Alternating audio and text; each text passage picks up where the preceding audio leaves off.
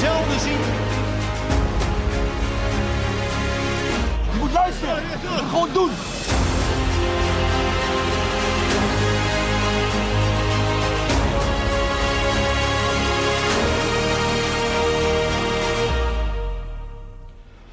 Ah, ik zie het fijn dat jullie er weer zijn. Na zo'n eh, beetje bedompte week. Na een verschrikkelijke klassieker, zeg ik even op persoonlijke titel. We kennen Bob Harms en die, zegt, eh, die zei altijd: eh, Snuiters, we moeten door. En zo is het ook. Eh, er komt 5 april een eh, herkansing. Zo wil ik het ook graag zien. We zitten nu in een interlandperiode. En eh, we vinden het toch wel belangrijk om ook in deze periode er gewoon voor jullie te zijn. Fijn dat jullie ook luisteren. Roy, welkom weer. Dank je, Errol. Ja, Floris ook, welkom. Ja, vooral geen kip curry eten. zou ik Geen kip curry eten, dat is een hele verstandige, volgens mij inderdaad. En dan kan je niet meer de handen schudden. Nou, dat mag wel volgens mij. Eh, we hebben een polletje gedaan. Hoe zo'n interlandperiode nou valt bij de supporters, zeg maar. En eh, het blijkt toch wel dat eh, eh, een lichte meerderheid zegt van... Nou ja, weet je, zo'n interlandperiode in Ajax, fijn. Even iets anders. Ja, als we de klassieker hadden gewonnen, dan denk ik dat hij de poll anders eh Ja. Ja, Ja. precies. Het is net hoe je ervoor staat. dat is ook Eh, zo. Zit je in een, eh, in een winning mood, dan, eh, dan is het hinderlijk. Eh, Ja. nu eh, denk je, nou, die spelers kunnen wel even een uitje gebruiken. Ja? Ehm, maar even voor je supportersgevoel dan, Roy en Ja. Floris. ik vind het ook wel Hoe even er lekker. tegenaan? Ja, en nu, nu, in dit geval Ja. wel even lekker. Even geen even lekker, hè? Ja. Kut, man. We moeten gewoon hopen dat we nu tweede worden. En daar ben Ja. ik zo slecht in. Ja, dat is heel slecht. Dat kunnen we slecht hebben. Ja, hè? ja toch Ja. wel opvallend dat ook toch nog wel hè, 44% het een hinderlijke onderbreking vindt. Van wat zou ik dan zeggen? Maar weet je, ik was ja, ook gewoon- even blij. Even, even de stekker eruit gewoon. eh. Ik denk gewoon dat het te maken heeft met het, eh, eh, het gevoel wat we als clubsupporters niet hebben met het Nederlandse elftal. Dat Ja. je nu ja, naar het Nederlandse elftal moet gaan kijken met spelers waar je dan niet zo heel, veel, niet zo heel erg veel mee hebt. Nee, in de kwalificatie van een EK wat nog heel erg ver weg lijkt te zijn. Ehm, dat dat het meer is. Ehm, En zo is dat. Zo is dat. Nou, we gaan eh, in ieder geval eh, eh, voort om, met het Ajaxiet zijn sowieso natuurlijk. Hè. Er is een hele hoop in het land, ook in het, aan de hand in het land met supporters toch. Vooral ook in de media zien we dat terug. Hè. Het gaat over uitsupporters, het gaat over supporters die zich misdragen. En toen dachten we van, nou, laten we vooral het supporterscollectief Nederland eens even bellen. Uiteindelijk zijn wij toch de eh, supportersvereniging ja, van Ajax. zo Dus wij dat. komen op voor jullie belangen, mensen. voor jullie belangen. En het gebeurt ook eh, zeg maar in een soort collectief, op een collectief niveau. En we hebben als het goed is aan de lijn Matthijs Keuning. Matthijs, welkom. Goedemorgen. Goedemorgen Matthijs. Eh, jij bent de voorzitter van het supporterscollectief Nederland. Dat heb ik goed hè? Klopt. Dat klopt hè? Ja, dat klopt. Nou, mooi. Eh, misschien voor veel supporters niet helemaal bekend eh, wat het supporterscollectief Nederland inhoudt en wat ze allemaal doen. Eh, dus misschien kun je even introduceren eh, waar jullie je zo al mee bezighouden. Ja, zeker. Nee, we zijn supporterscollectief Nederland in in 2016 opgericht. En inmiddels vertegenwoordigen wij eh, 49 supportersverenigingen van 32 clubs. Dus bijna alle supporters zijn op die manier bij ons vertegenwoordigd. Dus wij zijn eigenlijk de stem van eh, de voetbalsupporter eh, van Nederland. Dus Ja. wij spreken op landelijk niveau met allerlei partijen namens de supporter. Heel goed. En dat doen jullie eigenlijk, eh, om het even in het slecht Nederlands te zeggen. jullie zijn, we zijn eigenlijk met z'n allen divided by colors, maar united by cause. In de zin van, we hebben allemaal andere shirtjes aan, maar ons doel is natuurlijk hetzelfde. We willen gewoon op een leuke, toffe manier naar het voetbal kunnen, toch? Dat is uiteindelijk Ja. waar jullie ook voor staan. Zeker, nee, dat is het doel inderdaad. Dus we richten ons ook echt alleen op de overkoepelende onderwerpen die alle clubs aangaan. En eh, nou ja, bijvoorbeeld een van de eh, meest concrete dingen die we hebben bereikt is de korting op eh, kaarten voor uitwedstrijden. Waardoor Ja. je sinds een aantal jaren veel minder betaalt voor je kaartje. En dat is natuurlijk een heel tastbaar, concreet iets waar je nog steeds elke week profijt van hebt. Ja, en verder hebben we het ook over natuurlijk wat er momenteel in het land speelt. En eh, de reguliere overleggen. En dan zitten we dus aan tafel bij bijvoorbeeld KNVB. Ja. Maar ook met de overheden. We zaten deze week bij minister Jezielgoes. Dus dat zijn allerlei verschillende tafels eh, waar wij aan zitten. En minister Jezus is van Justitie, hè? Toch? Ja, klopt. Dus uh, dat is wel op dat niveau ook goed, denk ik, om dat uh, uh, gebundeld te hebben. Anders heb je natuurlijk helemaal geen stem. Als je dus heel fragmentarisch mensen vooruit stuurt, dat werkt natuurlijk niet, toch? Dat klopt inderdaad, ja. Nee, dus dit helpt wel. Dus nou ja, ook vanuit de KNVB merkten we rond onze oprichting daar ook wel behoefte aan. Dus nou ja, we zijn daar nog een paar jaar mee bezig geweest voordat we het ook lanceerden. We wilden wel ook echt weten, is er behoefte aan? Zitten we dan aan de goede tafels? Hebben we ook de, de achterban? Uh, dat we ook echt namens alle supporters kunnen spreken. Alle clubs in ieder geval daarachter. Uh, dus dat is nu inderdaad het geval.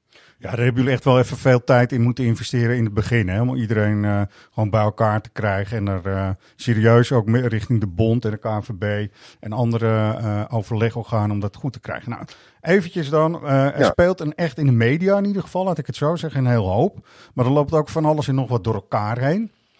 Um, als jij het goed vindt, uh, beginnen we zeg maar niet bij de gekkies die bij Groningen gekke dingen doen en mensen een klap geven. Of uh, bij PSV waar opeens een keeper wordt aangevallen. Want dat wil ik dan even toch parkeren. Dat is wel bekend bij veel mensen. Maar we gaan even naar de uitsupporters als je het goed vindt. Het -hmm. uh, collectief heeft ook een open brief geschreven aan de voetbalburgemeesters met een bepaalde reden. En kun jij mij uitleggen waarom jullie dat hebben gedaan namens alle supportersverenigingen? Nou ja, vooral omdat we belangrijk vinden dat niet de, alle supporters gestraft worden, maar dat we vooral inzetten op het straffen van de mensen die over de scheef gaan. Ja. En wat je nu natuurlijk een beetje ziet gebeuren, is dat het tegenovergestelde gebeurt. Dat er dus wel allerlei uh, supporters worden gestraft die part nog deel hebben aan wat er dan mis is gegaan. Ja. Nou ja, daar hebben we nu helaas al uh, veel meer dan een handvol voorbeelden van uh, afgelopen seizoen. Ja. Dat er dus gezegd wordt, alle uitsupporters mogen niet komen. Of zelfs uitsupporters van clubs die toevallig nog de komende weken en naar nou ja, bijvoorbeeld Leeuwarden moeten, die mogen niet meer komen omdat uh, wij het hier niet kunnen organiseren. Nou ja, dat, dat is volgens ons uh, nooit een oplossing. En daarmee kom je ook verder van elkaar af te staan en creëer je alleen maar eigenlijk meer onrust en onvrede. Ja. Dus uh, ja, hoe ingewikkeld het misschien soms ook is, ja, probeer wel in te zoomen op de echte oplossing. En betrek daar ook vooral supporters en de clubs bij. Maar wat we nu zien gebeuren, ja, dat, dat willen we natuurlijk niet. Nee, dat toch even voor de mensen die uh, daar een beetje op afstand van staan. En het is heel logisch, want die horen dat natuurlijk nooit. Hoe gaat zo'n overleg nou? Hè? Normaal gesproken heb je dan een uh, soort, uh, dat heet een lokale driehoek heb je. Je hebt de clubs, je hebt supportersverenigingen. En daar worden afspraken gemaakt, toch? Ja, ja, je hebt eigenlijk voorafgaand even op, op wedstrijdniveau, zeg maar. Je hebt voor elke wedstrijd een week of zes van tevoren een zogeheten vooroverleg. Ja. Nou ja, daar schuiven in ieder geval de lokale driehoek van de, de speelstad aan en ook bij de clubs. Ja. Uh, en als het goed is ook de, bij de supportersverenigingen, maar dat, dat is lang niet altijd zo, omdat lang Mhm. niet elke vereniging uh, vrijwilligers heeft die dan op een doordeweekse dag daarbij kunnen zijn. Ja. Dus daar worden eigenlijk zo een pakweg zes, zes weken van tevoren worden de afspraken gemaakt over, nou ja, wat is het verwachte risicoprofiel, zeg maar. En wat hoort daar dan aan maatregelen bij? En dus ook wat, voor vervoersregeling bijvoorbeeld uh, ja. hebben we voor uitsupporters. Um, en ja, op basis daarvan ga je dan verder kijken uh, wat er mogelijk is. Ja, want het bevreemdt mij een beetje dat het natuurlijk al uh, echt al jaren, jaren, jarenlang uh, gewoon goed overleg is. Dat er ook eigenlijk al in Nederland een hele goede registratie is van allerhande supporters. Zeker die in het uitvak zitten. En dat er dan toch nu een hele grote beweging is om daar zeg maar keihard op in te grijpen. Als je kijkt inderdaad wat jij ook zei, uh, hoe het dan in, ik zeg het even, Noord-Nederland gaat. Rond Groningen ja. en Cambuur en zo. Dat is echt helemaal juist weer de andere kant op. Ja, nee, daar hebben wij ons ook wel over verbaasd. En uh, ja, dat is ook wel schrikken dan eigenlijk. Dat je zo snel van een best goede situatie, in ieder geval tot corona, dat je zelf zag dat er wat versoepeling in kwam. Dat het over het algemeen wat minder buscommies waren. En dat uitsupporters verboden best schaars waren. Ja, Ja. jullie zijn ermee bekend, uh, helaas. Maar dat waren eigenlijk uh, al heel jarenlang de enige wedstrijden. Nee. Uh, en nu zie je opeens een enorme stijging. En ook met name in de eerste divisie. Dus dat heeft dan ook te maken met organisatie. Want ook toch door corona, dat, dat zal wel een beetje de rode draad in dit verhaal zijn. En nou ja, zien we wat meer incidenten, jo- nieuwe uh, groepen. Uh, dat is even wennen. En tegelijkertijd is het ook voor de organisaties weer even wennen. Ook door verloop van personeel, ook door personeelstekort. Ook bij Ja. politie, maar dat geldt ook wel voor veiligheidsorganisaties. Bij clubs. Nou, inmiddels begint dat wel weer een beetje uh, recht te trekken. En zijn we ook inmiddels wel weer een beetje uit die corona-nasleep. Uh, dus ik hoop dat het zeker volgend seizoen wat meer zal uh, normaliseren op alle vlakken. Maar je ziet dus wel dat ook de, bijvoorbeeld de politie erkent ook, ja, we hebben die groepen toch eigenlijk niet zo goed uh, in beeld als, als voorheen. Nou, ja, mede door die gekke periode van corona die ertussen zit. Ja, Ja, Matthijs, als ik, als ik jou een vraag mag stellen. Hè, ehm, eh, die individuele gevallen die, denk ik, Errol terecht wil parkeren. Dan heb ik het over het aanvallen van een keeper... of het, eh, het uitdelen van een klap aan een speler... zoals eh, afgelopen weekend gebeuren, gebeurde. Dat is Ja. natuurlijk ronduit belachelijk... maar zijn dat juist ook niet voor jouw gevoel... en misschien hoor je dat ook wel in de gesprekken... de eh, gevallen die de publieke opinie... eh, gebruikt en, en misschien ook wel een, een burgemeester gebruikt om te zeggen: Nou, we houden die uitvakken dicht, want dan ben ik van het gezeik af. Ja, formeel inderdaad is dat niet zo. Eh, en zie je gelukkig ook dat zeker bij Groningen die twee daders, eh, dat wel echt dadergericht, die worden meteen aangehouden, heel goed. De rest heeft daar hopelijk dan ook geen last van verder. Maar je ziet inderdaad wel natuurlijk in de, in de, in de media zijn dit grote incidenten. Dat voor PSV, daar krijgen wij ongeveer nog steeds vragen over. Terwijl dat eigenlijk een heel uitzonderlijk geval is. Maar er wordt al snel gedaan alsof dat dan vaker gebeurt. En dan worden er vraagtekens gesteld bij het hele systeem van stadionverboden. Terwijl we eigenlijk gewoon te maken hebben met één uitzondering op de regel. Die helemaal niet per se staat voor iets groters. Nee, het is goed dat Ehm, jullie daarvoor opkomen. Want inderdaad, ik kan me voorstellen dat die publieke opinie, dat, dat, dat, dat je daar heel erg veel last van hebt. En dat ehm, eh, inderdaad een, een driehoek, eh, misschien daar ook wel op, op, on- op onderbuik. Van nou, het komt ons nu wel eh, goed uit. We hebben een paar van die incidenten gehad. Nou, weet je wat, we sluiten dat uitvak. Dan zijn we van het gedoe af. En dan kunnen we dat beter uitleggen aan ehm, de, de bewoners in een buurt van Leeuwarden Stadion bijvoorbeeld, die dan klagen en dat het zoveel politie inzet kost. Het komt zo ook allemaal wel lekker uit. Het is verkiezingstijd. Het lijkt wel of het daar ook allemaal mee, weet je, mee te maken heeft. eh, of heb ik dat mis? Nou ja, ik denk dat je dat, daar wel een punt hebt. Dat het in ieder geval dit soort incidenten helpen ons niet. Ondanks dat het dan formeel niets met uitsporters te maken heeft. Nou ja, zie je toch dat dat wel een soort makkelijke maatregel wordt gevonden. Omdat je niet gaat zeggen, ja, Cambuur mag helemaal niet meer die voetbalwedstrijd met publiek spelen. Ja, dan krijg je natuurlijk echt eh, een opstand. En dan denken ze, nou ja, uitsupporters die komen toch uit een andere stad. En die gaan dan misschien demonstreren. Maar dat, dat wordt dan nog gezien als een soort behapbare maatregel. Waar inderdaad in zo'n stad nog, in ieder geval bij de pu- publieke opinie, nog wel wat draagvlak voor is. Ehm, dus nee, ja, je hebt wel gelijk dat elk incident eigenlijk rond het voetbal ons niet helpt. Ja, ook omdat het natuurlijk, zeker in de huidige tijd, overal zijn beelden van. Eh, ja, het wordt al snel toch wat groter. En het wordt dus al snel, een incident wordt al snel gezien als toch structureel. Want iemand die nooit in een voetbalstadion komt en alleen het nieuws volgt, die ziet toch een aantal keer per jaar een ellendig iets bij het voetbal. En die denkt dan, ah ja, het voetbal is altijd eh, gedoe. Terwijl wij natuurlijk ook weten, ja, we gaan al weet ik veel hoe lang naar het voetbal. Eigenlijk is er bijna nooit iets aan de hand. En kan je gewoon op een normale manier naar het voetbal. En Ja. ja. een heel enkel keertje gaat er iets mis. Maar dat moeten we vooral ook als incidenten en uitzondering blijven zien. Die Ja. we natuurlijk wel moeten oplossen. Matthijs, Matthijs, ook in dit geval eh, vind ik het dus heel goed dat jij bij de minister langs bent geweest, bij Jesselkus. Hè? Ehm, er zijn heel veel mensen die daar natuurlijk iets over te zeggen denken te hebben. Eh, zoals ook, eh, en terecht hoor, deels ook wel een korpschef. Hè? Ja. Ehm, kun je me even uitleggen wat, jij, wat jullie hebben kunnen bespreken, zeg maar? Je hoeft niet alles te verklappen, maar we zijn wel benieuwd. Want uiteindelijk eh, is het zo dat eh, zij relatief ook nog nieuw is, hè, toch?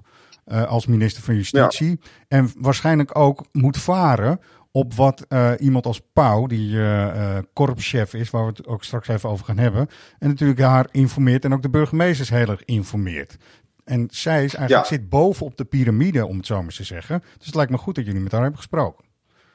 Ja, nee, dat is ook zeker zo. Het is inderdaad eh, toevallig ook de eerste minister waar wij überhaupt eh, een gesprek mee hebben. Dit was de tweede keer. Dus dat is al een, een positief signaal natuurlijk. Dat de minister ook graag met ons in gesprek wil. Ja, we hebben het daar vooral gehad over, nou, inderdaad wel de huidige situatie. Wat zien we nou allemaal gebeuren en waar ligt dat dan aan? En we hebben in ieder geval wel aangegeven dat de huidige koers eigenlijk de partijen meer uit elkaar eh, brengt. Dat dat juist polariseert eigenlijk door dus alle supporters en ook uitsupporters over één kam te scheren. Ja. Dat dat het vertrouwen eh, ja, geen goed doet, om Nee. het maar zo te zeggen. En, en dus daardoor komen supporters en ook zelfs clubs, want die worden vaak ook niet in besluiten betrokken. Ook Cambuur was overvallen door eh, het besluit van Buma om daar even vijf wedstrijden zonder Ja. uitpubliek te spelen. Dat is de burgemeester, hè? Ja, Precies. van En Leeuwarden. de- Ja. Dan heb je allemaal tij- jarenlang eigenlijk best een goede relatie met elkaar. En een club zit natuurlijk nou ongeveer dagelijks eh, aan tafel met de gemeente en politie over allerlei zaken. Ja. En dan wordt zo'n besluit genomen en dan word je daar niet, niet in betrokken. En daar hebben we gewoon de afgelopen tijd wel een aantal voorbeelden van. Ook bijvoorbeeld Willem II NAC. Er waren goede overleggen voor, supporters aan tafel. Iedereen die betrokken was aan tafel. We gaan die Brabantse derby weer spelen met uitpubliek. En twee weken voor de wedstrijd wordt er eenzijdig een besluit genomen zonder enig overleg. Eh, we gaan het toch niet doen. Eh, ja. en dan ben je natuurlijk je supporters ook meteen weer kwijt. Want die denken ook, nou, eh, ik neem een vrije dag om daar aan tafel te gaan zitten bij burgemeester. En twee weken later hoor ik dat het allemaal voor niks was. Ja. En zoek het maar even uit. Dus ja, dat zijn wel voorbeelden waar ook Jezus wel van schrok. En zei van ja, daar, daar, moeten we wel echt wat mee. Want we vinden het heel belangrijk dat supporters aan tafel zitten. Dat is eigenlijk een hele belangrijke voorwaarde ook om te komen tot nou ja, een goede uh, wedstrijdorganisatie. En dus ook uiteindelijk minder incidenten. En gewoon wedstrijden die gewoon normaal met supporters van beide clubs worden gespeeld. Ja, ja en als dat dan zo misloopt, ja, dan heeft de, de gemeente, de politie, dus ook de overheid, heeft daar dan ook wel iets in uh, te doen. Zeker. In hoeverre uh, het onderwerp politie inzet en politieuren, uh, dat is natuurlijk een lastig onderdeel als je in die gesprekken gaat als er vanuit het korps, zeg maar. Hè? En uh, daarom Frank Pauw heeft natuurlijk ook een bepaalde bedoeling als korpschef. En hij heeft ook uh, een achterban die, die dan, waar die klachten van krijgt. Of dat ze voor mij overwerkt zijn of zo. Hoe ga je nu met zo'n moeilijk onderwerp om in die gesprekken? Ja, ook daar. Frank Pauw heeft inderdaad onlangs een brief ook gestuurd nog naar allerlei korpsen. Om uh, nou min of meer op te roepen om supporters van Groningen en Cambuur in ieder geval niet meer te ontvangen. Dus ja, dat vonden wij veel te ver gaan. Dus we hebben naar aanleiding daarvan uh, ook een gesprek met hem gehad.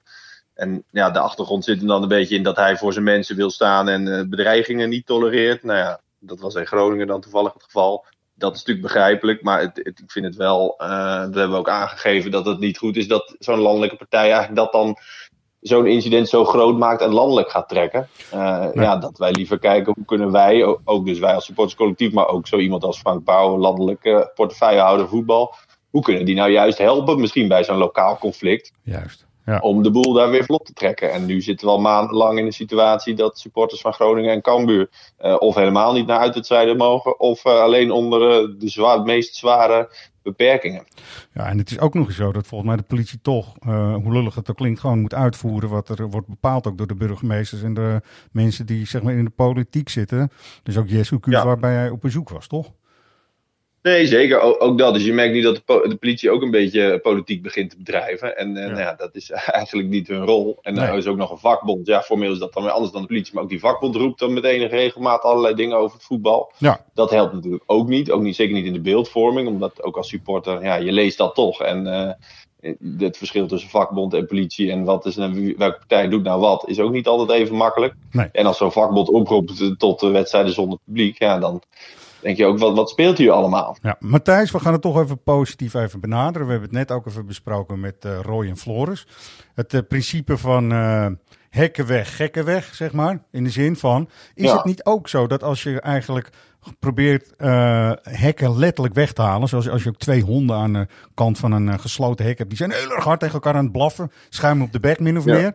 Doe je het hek open, gaan ze aan elkaar lopen Mooi. snuffelen. Kijk even die sketch terug van gisteravond. Uh, dit was Ja. het nieuws van Peter Pannenkoek. Want die Ja. zegt letterlijk dit Ja. voorbeeld. Dat is wel eh, heel grappig. hè. Nou ja, Ja, dat is toch ook wel eh, het geval als je dus hele zware maatregelen gaat opleggen. Zoals bij de klassieker is dat natuurlijk al de hele tijd aan de hand. Eh, we gaan allemaal zeggen, Ja. het kan allemaal niet en het mag allemaal niet en we we staan tegenover elkaar. Dan ga je dat niet eh, redden. Maar misschien moet je juist wel proberen dat, om gewoon te zeggen, toegankelijk maken en laten ze elkaar aan elkaar Ja. snuffelen. Nou ja, dat is ook al eh, eigenlijk eh, jarenlang ons punt. En dat hebben we ook eh, best concreet besproken afgelopen woensdag met Jezielkoes. En die kon daar ook wel wat in, in zien. Dus nou ja, ik zeg niet meteen dat morgen buscombi wordt afgeschaft. Maar het, het wordt nu wel gezien. We komen inderdaad wel op een soort punt dat we denken, ja, waar zijn we nou eigenlijk mee bezig? En is niet het beleid dat we in Nederland hebben gecreëerd juist veel polariserender? En je creëert daardoor ook een soort vijandbeeld. Ja, zeker inderdaad Ajax Feyenoord waar al jarenlang überhaupt geen uitsupporters meer zijn. En dan gaat iedereen nu zeggen, nee dat kan niet en zo. Tuurlijk kan het wel. Ja. We moeten alleen eh, een beetje normaal gaan doen en mensen verantwoordelijkheid geven. En juist dat vijandbeeld Ja. minder gaan creëren. Dus juist niet met buscombi's de vijand het vak binnenlaten wat helemaal omgeven is door hekken. Maar gewoon iets normaler. En als je, je ziet bij Ajax en Feyenoord dat de, de uitspelende club vaak vrij vervoer heeft. Nou ja, dat gaat daar prima. Je gaat naar het station, je loopt eh, naar het uitvak toe. Eh, en dat, dat gaat allemaal prima en bijna altijd zonder incidenten. Eh, Ja. Dus het kan gewoon. Eh, Kan, en hè? dat zien we natuurlijk ook in land- Ja. landen om ons heen. Dat zal nog wat tijd nodig hebben. We zullen daar best op ook wat stappen en stappen terug in gaan doen. Maar we zitten wel in die overleggen ook te kijken. Dan kunnen we nou niet zo'n soort visie maken dat we over tien jaar eh, daar willen zijn. Dat, nou, bij wijze van spreken, zelfs Ajax Feyenoord in ieder geval weer met publiek en het liefst met zo min mogelijk maatregelen ook wordt Ja, gespeeld. En ja, volgens het- zou dat mogelijk moeten zijn. Ja, Matthijs. En ook het hele collectief straffen tegen het individuele straf, zeg maar. Hè? Dus mensen die echt gekke dingen doen. Dus eh, hekken weg, gekken weg. Die gekken moeten dan ook weg. En die moeten aangepakt worden. In Ja, hoeverre ja. is dat nou echt een realistische situatie? Want het betekent gewoon dat er meldplicht moet zijn. Misschien wel digitale meldplicht en zo. Voor mensen die het echt hebben lopen verkloten. Even de PSV-supporter. Ja. 40 jaar mag je er niet in. Hè, in Eindhoven. Lijkt me uitstekend. Ik had er nog wat eh, misschien aan toegevoegd aan tijd. Maar dat is mijn persoonlijke mening weer. Gewoon nooit meer, zou ik zeggen. Maar is dat een reële en haalbare kaart, denk je? Ja, dat denk ik wel. Ook dat was weer iets wat Jezus ook noemde. Van in Engeland is dat natuurlijk al langer het geval. Eh, daar zijn de straffen soms ook wel weer heel draconisch. Ja, wat is het Ja, verschil, nou Matthijs? Wat is het verschil met? Engeland? Wat is het verschil vooral? Met Engeland? Nou ja, Want dat wordt vaak Engeland als het- voorbeeld genoemd. Ja, daar zijn met name de straffen wel echt veel hoger. En het belangrijkste verschil voor eh, de, ons als normale supporters is natuurlijk dat je daar op een normale manier naar alle uitwedstrijden kan. Ja. Zonder eh, generieke beperkingen. En je zit daar in een mooi uitvak eh, in de Premier League op de eerste ring zelfs. En zonder hekken en zonder netten. Alleen een rijtje stewards vaak als afscheiding. En na afloop is er natuurlijk wel enige begeleiding van politie. Maar in principe ben je vrij om te gaan en staan waar je wil. Ja. Dus dat is wel natuurlijk het, het droombeeld dat we in Nederland ook hebben. Dat dat gewoon kan. En dat daar nog steeds eh, veiligheidsmaatregelen nodig zijn. Ja, dat, dat zal er altijd wel bij blijven horen. Ja. Maar dat, dat is wel de richting die we op willen. En als dat inderdaad zou betekenen dat misschien de straffen iets, iets hoger moeten worden. Maar aan de andere kant, we hebben in Nederland al ontzettend veel. We hebben een voetbalwet, die wordt alleen relatief weinig gebruikt. Maar de, alle middelen zijn er wel. Meldplicht, ook digitale meldplicht wordt op dit moment aangewerkt. Ja. Eh, dus het is er allemaal wel. Maar ehm, ja, we moeten het ook nog uitvoeren en daar is ook capaciteit voor nodig. Maar ja, wat ons betreft zetten we dus eerder daarin, op die opsporing en ook vooral in preventie om überhaupt te voorkomen dat dingen misgaan. Dan dat we nu elkaar met eh, allerlei verboden gaan bestoken, waarmee we geen eh, centimeter Ja. verder komen. Belangrijk wat jullie doen dus, eigenlijk. Kort gesteld. nou zeker, eh, ja. Het is, eh, het is weer actueler dan ooit, ja. Zeker, zeker. Nou, laten we toch, hè, want we hebben net een paar, twee positieve dingen benoemd, waardoor het eh, de goede kant op eh, zou kunnen gaan ook. Hè. En daar zit dus ook wel bij dat je eigenlijk eh, moet durven ook gewoon om supporters toe te laten. En eh, het is niet meer dan volgens mij, zeg maar even anderhalve generatie terug, dat je gewoon naar de Kuip kon gaan en de klassieker kon kijken, ook als Ajax-supporter. Dat is echt niet zo Ja. lang geleden. Er zijn mensen die zijn gewoon Nee. in leven, sterker nog, die het allemaal gewoon hebben meegemaakt. Dus zover is dat niet. En jij zegt ook, er zit eigenlijk een zee tussen, de, de, dus de Noordzee. Maar dan gaat het dus ook goed in Engeland en dat kan dus ook allemaal.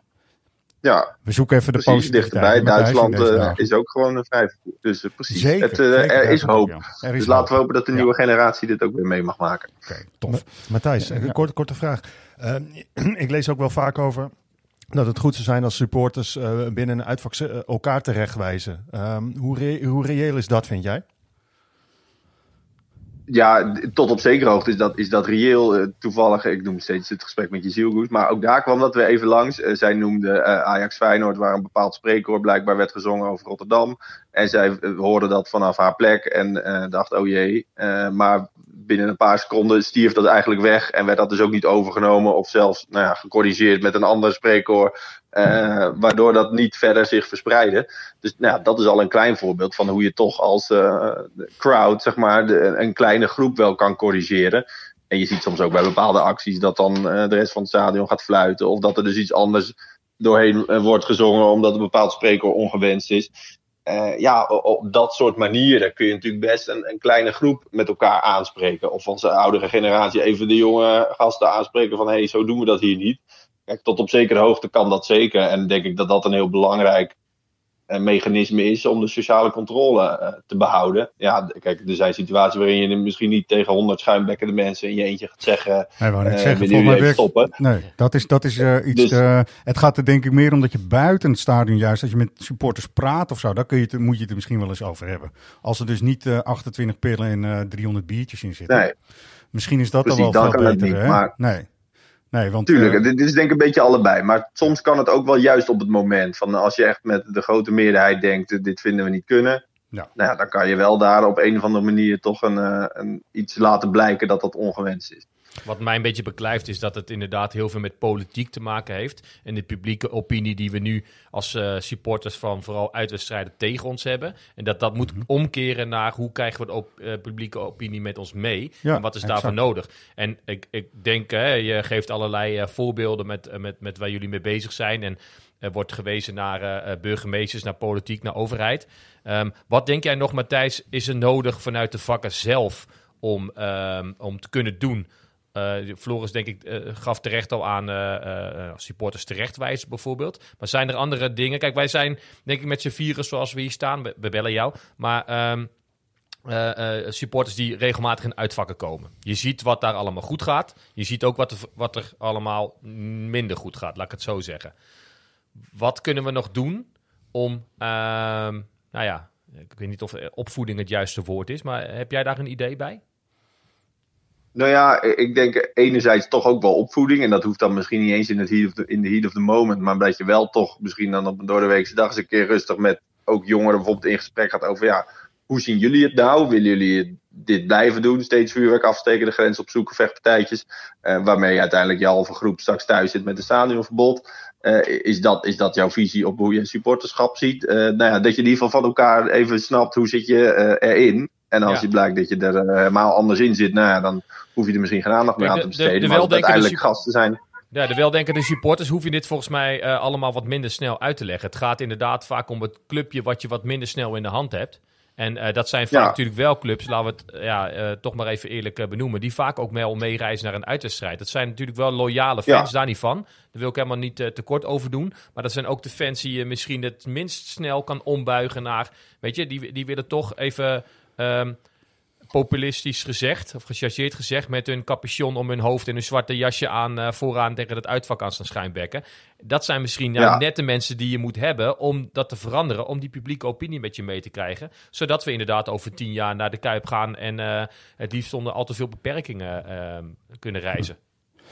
Ja, nee, dus ik, ik denk zeker dat we daar dus als ook als een ja, oudere generatie zeg maar wat in, in te doen hebben. En wat is natuurlijk die zin ook van alle tijden dat er een, altijd weer een jonge groep opkomt die we allemaal net weer wat gekker en anders vinden dan de generatie daarvoor.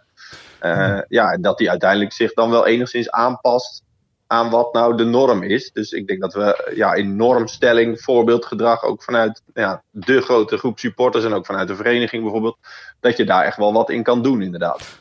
Ja. Het is, het, het is twee, twee kanten op, hè, inderdaad. Want als je, Mhm. eh, je moet zelf normaal doen, maar als, als je ook normaal behandeld wordt, ga je ook sneller normaal doen. Als Ja, ik kijk naar hoe wij in Liverpool ontvangen zijn Ja. en hoe wij in Glasgow ontvangen Ja. zijn op Ibrox. Helemaal eens. Ja. Ja, inderdaad, geen hekken. Je wordt welkom geheten. Het is allemaal vriendelijk. Het, het, eh, weet je, eh, je, je, je kan je tegenstander die naast je staat. Hè, ik bedoel, er is geen hek. Er is alleen een doekje ligt er over een paar stoeltjes heen. Ja. Je kan elkaar gewoon een hand geven. Ja. En dan is. Ik heb nul, nul, nul gezien qua agressie Ja. of ook maar iets wat uit de hand zou kunnen lopen. En, en ja, je komt ook in de, in de, eh, bij wedstrijden. Ja, dan is. Ja, dan word je zo eigenlijk eh, behandeld alsof je uitschot bent. Ja, dan ga je zelf wordt je daar Precies. ook opgefokt van. Terwijl ik dat totaal niet Ja. ben. Wil Errol, jij hebt ook in Lille in die parkeergarage gestaan. Ja, ja, zeker. dat, dat, Ja, dan, word je, van- dan word je vanzelf, al ben je het niet, word je zelf ook opgefokt. Met waterkanonnen tegen, tegen Juve. Terwijl het een wedstrijd was waar we allemaal heel veel, veel zin in hadden. Kwartfinale Champions League. En eh, iedereen eh, wilde er een feest van maken. Je Ja. krijgt een paar eh, eh, waterkanonnen voor je deur. En eh, ja, daarmee wordt het publiek opgefokt. Ja. En eh, dan eh, ja, werk je dit En een beetje in de hand. Matthijs, het, het komt er ook eh, echt op neer dat we, ons, eh, dat we even normaal moeten gaan doen. Dat is even de hele simpele variant, toch? Ik vind ook, hè, als je nu ziet wat er in de media allemaal gebeurt, we moeten ons ook met z'n allen echt als supporters beseffen dat je elkaar ook eigenlijk nodig hebt. In de zin van, eh, dan wil ik toch even over de klassieker gaan. Dit, ik vind het de mooiste wedstrijd van het hele jaar. Het is ook de mooiste wedstrijd van het hele jaar. En je hebt elkaar gewoon nodig op de tribune ook om die gezonde rivaliteit te hebben. Dus we moeten heel kritisch naar onszelf kijken. En dan moeten we het ook, denk ik, richting politiek en al die mensen gewoon maar eens een keer gaan verdienen. En ook elkaar dus aanspreken. Want we willen, het dreigt nu echt, als je kijkt naar wat er allemaal gebeurt, dat het heel erg moeilijk gaat worden voor uitsupporters. En dan moeten we zelf onze rol ook pakken, toch? En onze verantwoordelijkheid. Vind je dat mooi om Ja. daarmee af te sluiten, Matthijs? Vind je dat goed? Vind ik een, een hele mooie afsluiter. Klasse, man. hey, dankjewel voor je tijd. Keep up the Eh. Keep up the good work, zou ik inderdaad willen zeggen. Ook met Herjan, die eh, eh, secretaris ook bij jullie is en namens onze supportersvereniging erin zit. En alle anderen, want Ja. jullie vertegenwoordigen echt een heel hoop. En dat is heel goed en dat is heel fijn. Dankjewel. En we spreken elkaar weer. Laten we elkaar op de hoogte houden. En eh, vooral ook bekendmaken wat er allemaal wel mogelijk is in supportersland. Want eh, dat is heel Zeker. tof. Ja, Thanks Ja. Matthijs. Gaan we doen. dankjewel. Oké, hey, succes. Hoi. Ja, mannen. Nou, eh, moeilijke materie soms, maar wel goed om eh, te beseffen dat we zelf ook verantwoordelijkheid hebben, volgens mij. En dat we, weet je, met, als supporters elkaar ook weer een beetje nodig hebben om er een, gewoon een toffe sfeer van te Ja, maken. je moet zo'n Jezilgus, Pauw, eh, hoe heet die, heet die toch? Ja, die man van de politie. Ja. de hele publieke Pauw, opinie ja. met je mee gaan krijgen door, denk ik, te laten zien hoe bereidwillig we zijn. We zouden willen zijn om Ja. die uitvakken.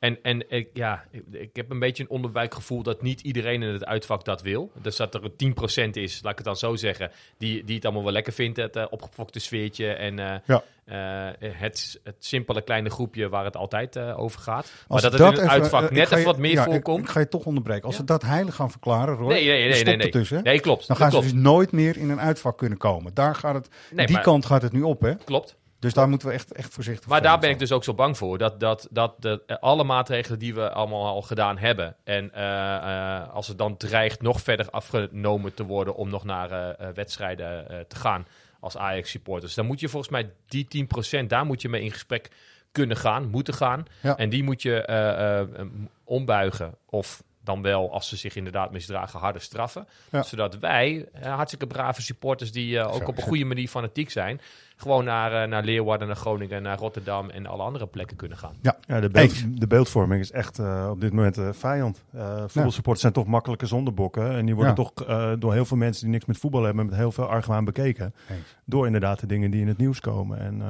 Ja. ja. dat het over het algemeen vooral heel erg goed gaat... ja, dat, dat, dat is niet spannend nieuws natuurlijk. Nee. Goed, laten we het ook nog even over de club hebben. Want er gebeurt natuurlijk ook een heel hoop zeg maar, eh, op de burelen van de club, om het zo maar eens te zeggen. De spelers zijn uitgevlogen en eh, hebben interlandverplichtingen. Dus eh, die zien we pas weer terug als het over Go Ahead Eagles gaat. En dat is in de volgende podcast. Maar ondertussen is eh, eh, zeg maar de, ook de top van de piramide bij de club is nu eh, bezet door eh Pier Eringa. Ehm, even vooraf, want ik wil het even over de beste man hebben. Het is fijn dat hij nu één keer eh, zichtbaar is geweest, maar eigenlijk moet hij gewoon nu van het podium af, zou ik willen zeggen. Dat zei hij zelf ook, hè? Zei hij zelf ook, Ja, dus daar was ik heel blij mee dat Ja. hij dat ook zei. Eh, we gaan het toch even over hem hebben en hoe hij naar dingen kijkt, vind ik. Want het is wel belangrijk, want hij is uiteindelijk ook eh, iemand die heel veel mensen die bij de club iets te vertellen hebben, richting zal moeten geven en zal moeten helpen om de juiste keuzes te maken. En ik denk dat het enorm nodig is. Ik hoorde ook andere podcasts hoor, eh, waarbij het spook uit 2000 werd het genoemd, min of meer. We moeten niet afglijden als club naar de periode die er toen was. Daar zeg ik van, bij Ajax is het altijd in een pieken en dalen beweging eh, gegaan. En eh, het is net wuivend riet, Ajax. Het, komt, het veert altijd weer terug, zeg maar. Maar toch, mensen die daar zeg maar, verantwoordelijk voor zijn, eh, dat is, die bepalend zijn, daar gaat het nu over. Ehm, hij was de gast. Hij was bij verschillende programma's de gast. We beginnen even bij Sven Kokkelman. Waarvan ik dacht van ja, dit is wel goed, want dit is wel een kritische ondervrager. Ja, En die daar was kan het dus, wel. eh, hè, die kan het wel. Die was eh, op de radio. Dus we luisteren even naar een fragment. En het gaat dan wel weer één keer over iets wat met management te maken heeft. Maar daar kunnen we het wel even over hebben. Nou, kijk, wat u zei eh, net al even. Kijk, wat er beter kan, dat heet in organisatietermen... en eh, ben ik niet gewend om te gebruiken... maar ik zal al deze als enige gebruiken vandaag... eh, is, dat heet eh, eh, successieplanning. En successieplanning wil zeggen dat je op tijd nieuwe mensen klaar hebt staan als iemand wegvalt op een belangrijke positie. Dat Ja. is een belangrijke rol voor de toezichthouder. dus- dat wordt ook een klusje voor de Raad van Commissarissen, zou je zeggen. Om binnen Ajax ook die successieplanning beter te doen. Dus je kijkt, wat zijn voor ons de belangrijke plekken in de organisatie? En als iemand uitvalt omdat hij zelf weggaat of omdat hij weg moet... hebben we dan op tijd goede mensen klaarstaan die die rol over zouden Ja, kunnen nemen. antwoord nu is nee. nee. Nou, Sven, hm, Kokkelman, hm, die heeft hier helemaal gelijk. Dat is wel belangrijk inderdaad. Wat, wa- hoe komt hij op jullie over? Eigen- eigenlijk is hij de nieuwe, ik noem het even Michael van Praag, eh, hè, zoals we daar dan vroeger naar keken. Is toch wel even het boegbeeld van de club, deze man. Nou, dat zou die moeten zijn, denk ik. Toch? Als, we hebben toch als boegbeeld gekozen om daar een algemeen Kijk, directeur dat is nou een goede toevoeging. Ja. Ook voor de mensen die denken van, oh ja, dat is toch de voorzitter, die is toch het allerbelangrijkste. Nou, Nee, dat is, dat is hè? al een tijdje niet meer zo. De, de, Ja. Degene voor eh, eh, Pier Eringa, die heb ik inderdaad nog nooit op een eh, in een tv-programma gezien. Dat is misschien maar goed ook. Ja, Aan de andere kant wil je dat ook soort mensen zijn. zichtbaar hebben op het moment dat eh, when the shit hits the fan, zeg maar. Maar ik denk, wat we net al over hadden, dat meneer Eringa er verstandig aan doet om na dit tv-optreden lekker aan het werk te gaan. Ja. En op de achtergrond te blijven en de mensen naar de voorgrond te schrijven die eh, het boegbeeld van de club zijn. En dat is uh, Edwin van der Sar volgens mij. maar Floris heeft wel een punt, denk ik, dat er nu dus echt heel veel posities eigenlijk al zouden al in de wachtkamer moeten zitten. Ja, dat is heel moeilijk, maar dat is wel Ja. belangrijk, denk ik. Hij gaf iets later bij, eh, bij Op 1 gaf hij ook aan dat eh, ja, in de ideale situatie. En hij- hij, hij voelt zich daarvoor verantwoordelijk dat, dat nu wel die voetbalcommissaris als opvolger van, eh, van Danny Blind eh, aangesteld moet worden. Hij verwacht dat dat binnen een paar weken Ja. eh, rond is. En ja, idealiter zou hij de, de volgorde aanhouden. Eerst de voetbalcommissaris, dan een technisch directeur als eh, opvolger van Overmars en dan trainer. Eh, hij zei daar wel bij, maar ja, je, soms moet je handelen naar bevind van zaken. En of, of die volgorde eh, helemaal aangehouden kan worden. Ja. Oké, we luisteren even inderdaad naar Carrie ten Napel, die eh, eh, Ah, Pier, zeg maar, eh, het Carrie is vuur... lief, hè? Carrie is topper. Nee, maar ik vind ik een goede interviewer ook. We Zeker, hadden het net over Sven zeker. Kokkelman, Ja, maar dat is een eh, leuke vrouw. het is en, een, echt een topper. Nou, luister eventjes. naam Julian Ward eh, wordt genoemd. Die zegt mij niks. Zeg jou niks. Nee, nee, Bij kijk, Liverpool eh, nee, een grote succesvolle meneer. Ja, ja, nee, ik snap de vraag wel. Ja. Kijk, wa- wat, wat je als... Is het eh, rond? wat- nee, wat je, nee eh, daar weet ik niks van.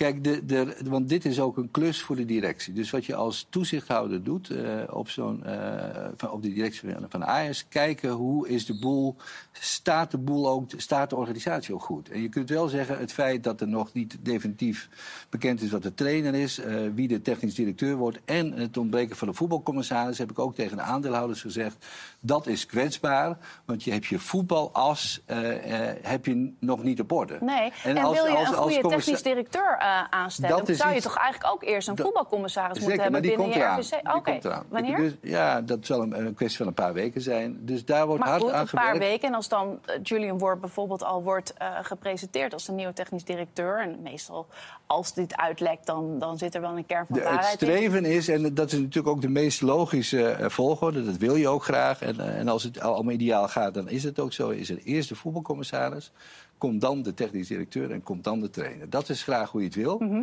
En dat is de ideaalsituatie. En eh, soms heb je te maken met de ideaalsituatie. En vaak ook, dan moet je handelen naar bevind van zaken hoe dingen lopen. Dat is wat jij net, eh, dat is precies wat jij zei, Floris. Dat klopt ook. ja, ik wist niet dat je dit precies zo had Nee, maar dat is helemaal goed dat je het zo uitlegt, want het is jou ook opgevallen. En je hebt er ook iets mee gedaan voor eh, onze website, zeg maar. Ehm, er zit wel iets onder en ik merk dat ook wel bij eh Carrie ten Napel. Er is een soort onrust, ook bij iedereen. Ik zag het ook op socials. Ja, daar zit hij daar. En wat zegt hij nou eigenlijk? En- ja, maar wat willen mensen dat Ja, hij gaat zeggen? Nou, Hij is er De net. verwachting is blijkbaar dat ze dan horen. eh, Xar gaat er volgende week uit. We hebben de hele scouting hebben we eruit getiefd. Ja. En eh, de club gaat anders heet. Ik weet, ik weet het niet precies. ik weet niet wat ze. Maar zo, zo zitten heel veel mensen dan te kijken en te luisteren. Nee, maar het begon bij een tweetje volgens mij weer van eh, de opruimende, altijd opruimende meneer Verwij van de Telegraaf. Die had natuurlijk gehoopt dat hij daar hele sappige uitspraken zou doen. Ja, maar en die dacht, met deadline voor de Telegraaf kan ik dit nog net in meenemen. Die werd teleurgesteld. Ja. En vervolgens eh, eh, eh, is heel Nederland bij wijze van spreken teleurgesteld. Omdat Nou, wie dat ze te weinig pittige uitspraken hebben gehoord. Maar dat, er- in die positie is die man toch nog helemaal niet. Nou ja, wie, wie weet dat de Telegraaf eh, meneer Inga zelf graag willen hebben. Ja, dat zou ook zomaar kunnen. Maar dit is dus ook wel. Ik zeg het even. Het land gaat hier echt kapot aan, zeg ik even. Ja, zeker. In de zin van ook in de politiek, iedereen vliegen af van "Eh, we moeten dit en we moeten dat. En vervolgens gebeurt er geen flikker. Nee. Deze man, heb ik het idee in ieder geval, en dat vind ik geruststellend, gaat proberen dingen echt op de lange termijn op te lossen. En te zorgen dat er plannen liggen en dat er gewoon gewerkt wordt zoals er gewerkt moet worden. Toch? Ja. Dat vind ik een geruststelling. Dat heeft hij ook eens op zijn cv wel staan. Hoe hij verschillende organisaties, het gaat om ziekenhuizen, het gaat om ProRail. Nou, maar Ja. toch dingen wel goed voor elkaar heeft Ja, dat was wel mooi. Ik weet niet of je het hele eh, op één eh, die, die avond hebt gezien. Maar hij eh, heeft natuurlijk nu één pet op. Dat is goed om te melden, denk ik. Want hij werd ook gevraagd naar de ProRail. Eh eh, dassen? perikelen met de dassen. Ja, nou ja, dat, ja. Dat, dat, dat- omdat dat actueel was en er zat een dassen-expert in de studio, Ja. werd hij daarna gevraagd als oud-topman van de ProRail. Vervolgens ging het over de ziekenhuizen en corona en werd hij weer eh, werd die- met die pet eh, eh, werd hem nagevraagd. Het ging over de samenwerking met meneer Pauw, waar we het net al even over hadden, de politiekorpschef. Ja. En eh, dus ja, het was een beetje lastig, omdat er eh, allerlei andere actuele onderwerpen waren waar hij ook naar gevraagd werd. Ja. Maar hij zat er natuurlijk puur om even zichzelf te introduceren, als een nieuwe ja. president-commissaris. Ja. Heel mond vol is. Maar ehm, eh, ja, als mensen verwachten daar hele sappige eh, uitspraken te doen... eh, ja, dan ben je iets te veel uit op, op sensatie. Ja, ik heb toch het idee, want hij had het idee dat de technische commissaris, noem ik het nog even, commissaris voetbalzaken, om het, hè, de opvolger van Danny Blind, dat dat een paar weken nog op zich laat wachten. Ik heb het idee dat de, technisch directeur, even in oude termen, hè, want er is een hele hoop aan de hand en er worden dingen op een andere manier ingericht, dat die iets sneller gaat komen. Want dat zei hij toch. Dat, dat hoorde ik wel tussen de regels door. En daarom zei hij ook van ja, de ideale situatie is de volgorde zoals hij hem schetste. Maar ja, naar bevind van zaken handel je soms Ja, weet je wat ik- anders. Precies, hè, want we hebben het toch ook over onrust van supporters en zo. En ik snap dat zeker deels wel. Als je weet hoe het gaat in het voetbal, is maart en april, dus het, eh, zeg maar even het vroege voorjaar. Dat zijn de momenten waarop heel veel dingen besloten moeten worden, ook over contracten Nou ja, van spelers. Maar dat, maar moet je, moet je, moet je kijken waar we nu met, met Ajax staan. Eh, eh, je leest dan dat woord dat per 1 juli Ja. zou beginnen. Ja, ik kan me dan niet voorstellen dat er voor die tijd eh, hij achter de schermen niet al dingen zou doen. Want, want je moet veel eerder in actie komen, lijkt me. Ja, dat hoop ik toch echt, want dat, Nou ja, dat lijkt me zeker. veel te laat ook. Zeker naar de klassiek. Ik wil niet te lang in de achteruitkijkspiegel kijken. Maar ik werd er toch wel een beetje depressief van. Dat, ehm, even los van de uitslag. Maar als je uit dit elftal, wat niet goed in elkaar zit, laten we daar heel eerlijk over zijn. Want we spelen al wekenlang met de, met de vaste kern eh, spelers. Die Ja. wel, iedereen is beschikbaar op een eh, eenmalig zieke ranch eh, na. Ja. Afgelopen zondag. Maar dan stel dat je uit dit elftal nog ook nog eens de beste drie spelers verkoopt. Want Ajax moet hemel. altijd verkopen. Ja, nee, inderdaad, En je hebt klopt. Kudus, eh, Alvarez en Timber die volgens mij overal op lijstje staan. Ja. Dus het is best aannemelijk dat die jongens nog eens uit dit elftal weggaan. Wow, dan blijft er weinig over. Plus nog eens dat je normaal gesproken al een beetje hoop krijgt eh, rondom deze periode. Aan Ja. dat ene talent of die twee talenten die er aankomen, die er volgend jaar staan.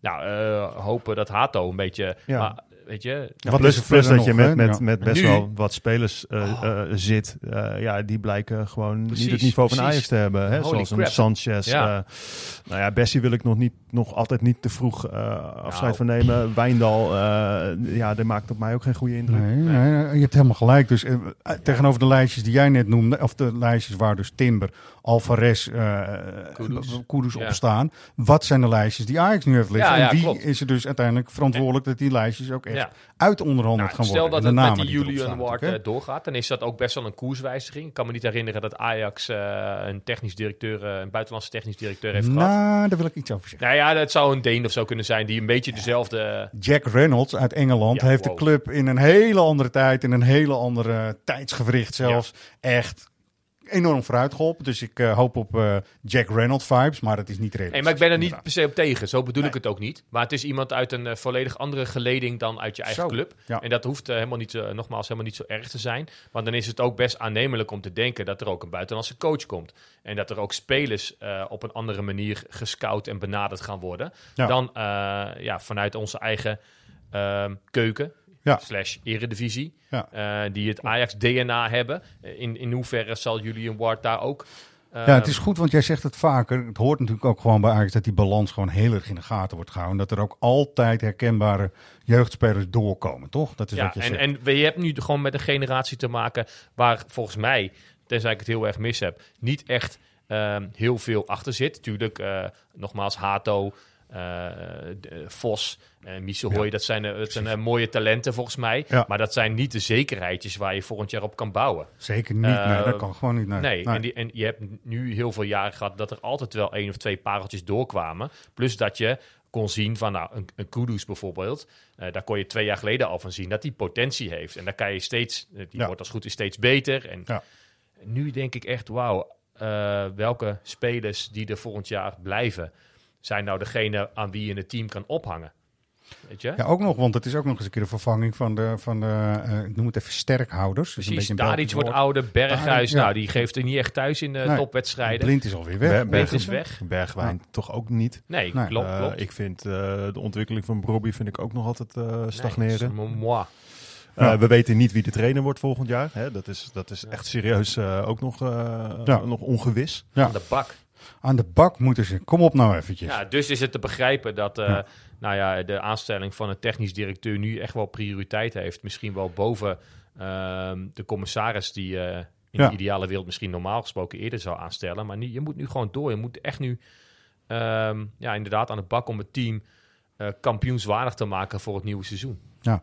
Wat vinden we van het vertrek van Hamstra? Ja, ik wou net zeggen, vond je het niet een beetje lullig voor Gerry Hamstra hoe dat dan allemaal gaat? Ik, ik heb daar een heel eh, naar gevoel over. Ik krijg er ook een klein beetje buikpijn van. Dat eh, die Ja. man, eh, ja, weet je, die, die, die wordt nu wel heel erg eh, in het Makkelijk hoekje gezet. Van, in het hoekje eh, gezegd, ja. zijn schuld of zo. Het zijn, wel, het zijn nog wel wat mensen die in de spiegel mogen kijken, denk ik, zeg maar. Nou, dat vind ik ook zeker. En hij zal misschien niet de ultieme geschikte persoon zijn geweest, maar ik kijk toch ook naar zijn cv en denk van deze man heeft in ieder geval jarenlang, en het is bij andere clubs, snap ik allemaal wel, Heerenveen, Vitesse, weet je, hij heeft wel ervaring en zou gewoon ook een nuttige kracht kunnen zijn in de grote klus die voor ligt. Hè? Want we hebben het net over niet alleen maar eh, transfers binnenkomend vanuit het, misschien vanuit het buitenland met heel veel power en kracht, zodat het allemaal weer wat gezonder wordt. Het gaat ook om wat we net zeggen. Welke jeugdspelers binden we langer aan ons en hebben we vertrouwen in? En welke spelers eh, vanuit Nederland en de omgeving, misschien ook België, kunnen we op een leeftijd als 16, 17, hè, want dat gebeurt nu ook. heel Ja, Mika. Gods bijvoorbeeld. Ja, Gods bijvoorbeeld. eh,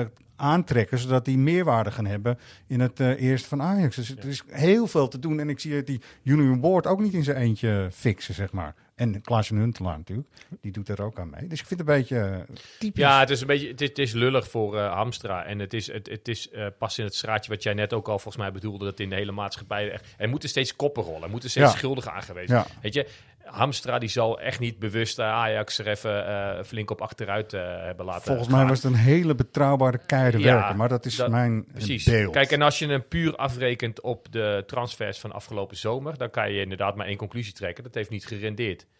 Ja. Maar ja, Ga er maar aan staan, zou ik ook Precies, zeggen, toch? precies. Het is Ja. niet gezegd dat Ward en Huntelaar dat volgend seizoen anders doen. Maar ja, ja, die... Ja. Hopelijk horen we echt toch wel snel, en dan ben ik wel ongeduldig, net als alle andere supporters, dat die posities stevig worden ingevuld. En vanaf daar, en dat is mijn verwachting, dat komt ook omdat ik toch al wel wat jaartjes hier ook rondloop en ook bij de club. Dit gaat gewoon tijd kosten, mensen. Ja, Toch? Dus als supporters kun je er alleen maar vol achter gaan staan en niet meteen gaan mopperen als er eh, een wedstrijd eh, wat stroef loopt. Want dat zie je nu natuurlijk nu ook. Hè? Ja, Ja, het en, is kan, heel en kan Ajax het zich op dit moment permitteren om te zeggen... eh, we verkopen Alvarez, Timber en eh Kudus niet? Als daar hele goede biedingen op worden gedaan. Ja, Nee, is, ja, een dat- vra- is een vraag. Wat, hoe zie jij dat, Roy? Wat, eh, nee, maar dat is precies in lijn met wat er afgelopen zomer is gebeurd. Eh Alver, of, eh, Martinez en Anthony zouden onder geen beding vertrekken bij Ajax. De, die belofte was geloof ik ook naar Schreuder gedaan. Maar op een gegeven moment komen er zulke bedragen op tafel. Dan moet je als club wel. Spelers die gaan morren als ze niet mogen gaan waar ze naartoe willen. Ja. Dus als club als Ajax zijn, ja, kan je heel stellig zijn. Maar tot een bepaalde grens. En ik snap echt Tuurlijk. wel dat... eh, sorry. ehm, de speler in kwestie, uh, Alvarez bijvoorbeeld, nou, die speelt hier drie, drieënhalf Mhm. jaar.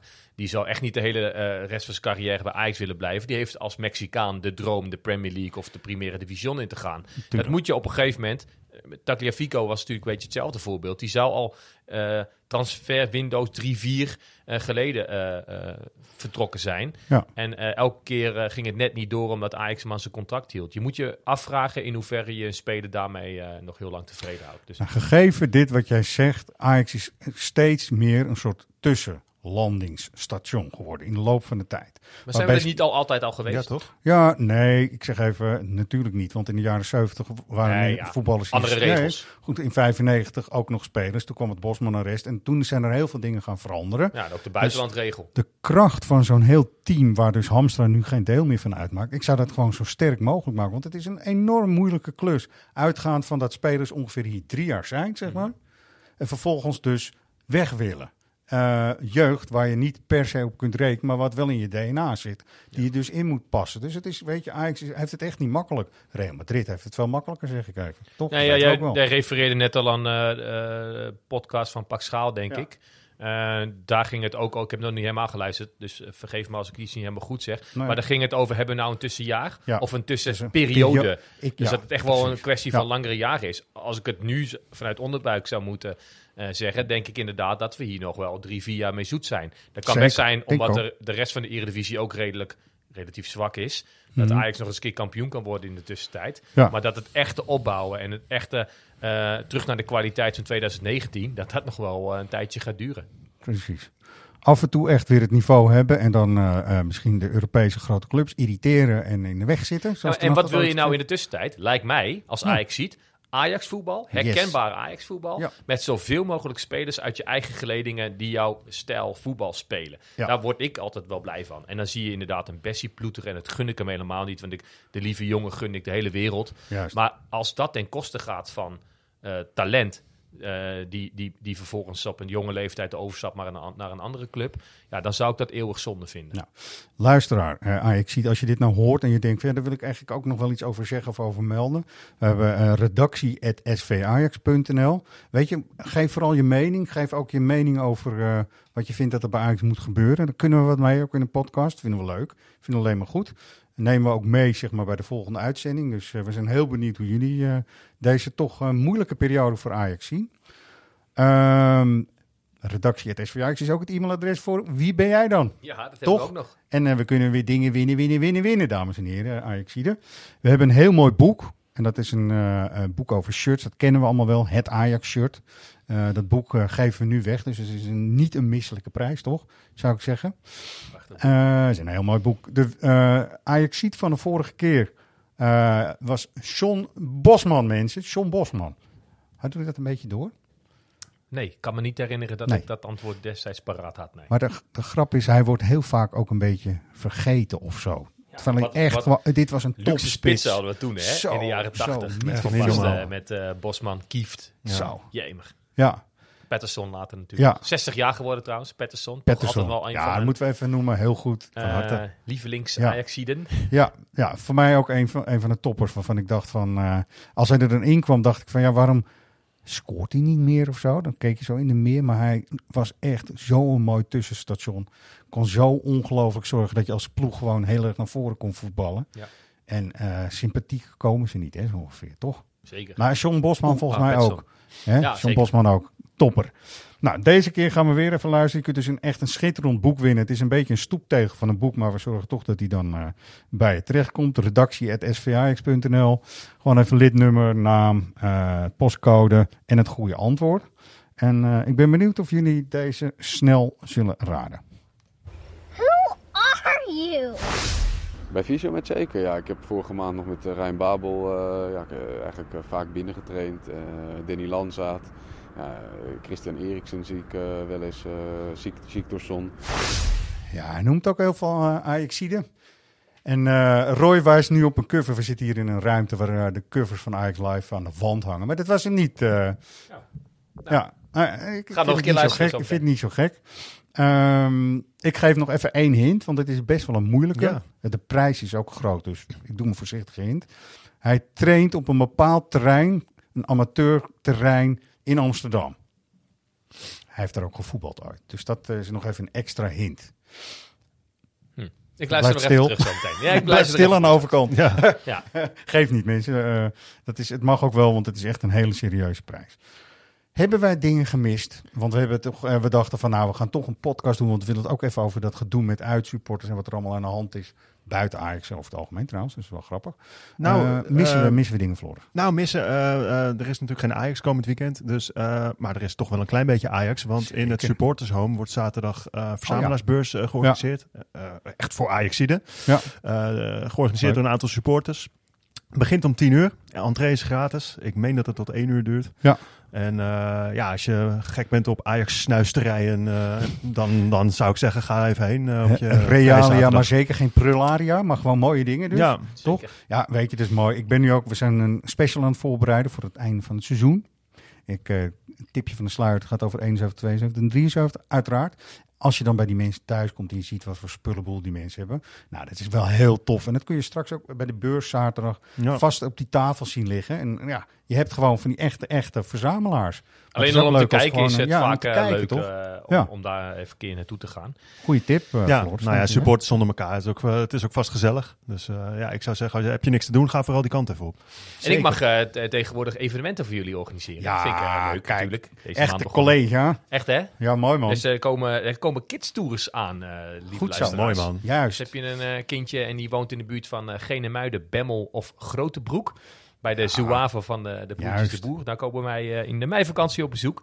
En dat eh, wordt eh, komende week allemaal aangekondigd op de website. Op de website, hou de website in de gaten, ajaxkidsclub.nl Ja, ook. En, daar, en ook voor de leden van Ajax Live, eh, dus eh, ben je 18 plus, wat heel aannemelijk is bij deze podcast. Daar gaan we ook nog iets leuks voor organiseren. Ja. Einde van het seizoen. Dus dat komt er allemaal aan. Goed zo. Gaan jullie nog naar Oranje kijken of denken jullie vanavond, nou, Mijn vriendin eh, moet squashen en ik heb beloofd dat ik bij het squashen ga kijken. dat zegt me genoeg. Dankjewel Floris en Ik eh, moet Roy. zelf eh zaalvoetballen, maar mijn Ja. zoontje is eh, uiteraard, net als elk jongetje van zeven, enorm fan van eh, Mbappé. Dus die is voor Frankrijk vanavond. Zo, Vind dit is, Nou ja, dit dit is mooi. ja, is ook ik zo. Ja, Nou is ja. voor Mbappé en niet voor Nederland. Nee, goed voetbal is goed voetbal, dus dat moeten we waarderen. Ja. Goed zo, mannen, dank jullie wel. Ook eh, Matthijs eh, Keuning, hartstikke bedankt voor je inbreng en je bijdrage. Hartstikke tof. Op naar een volgende podcast. Tot de volgende week.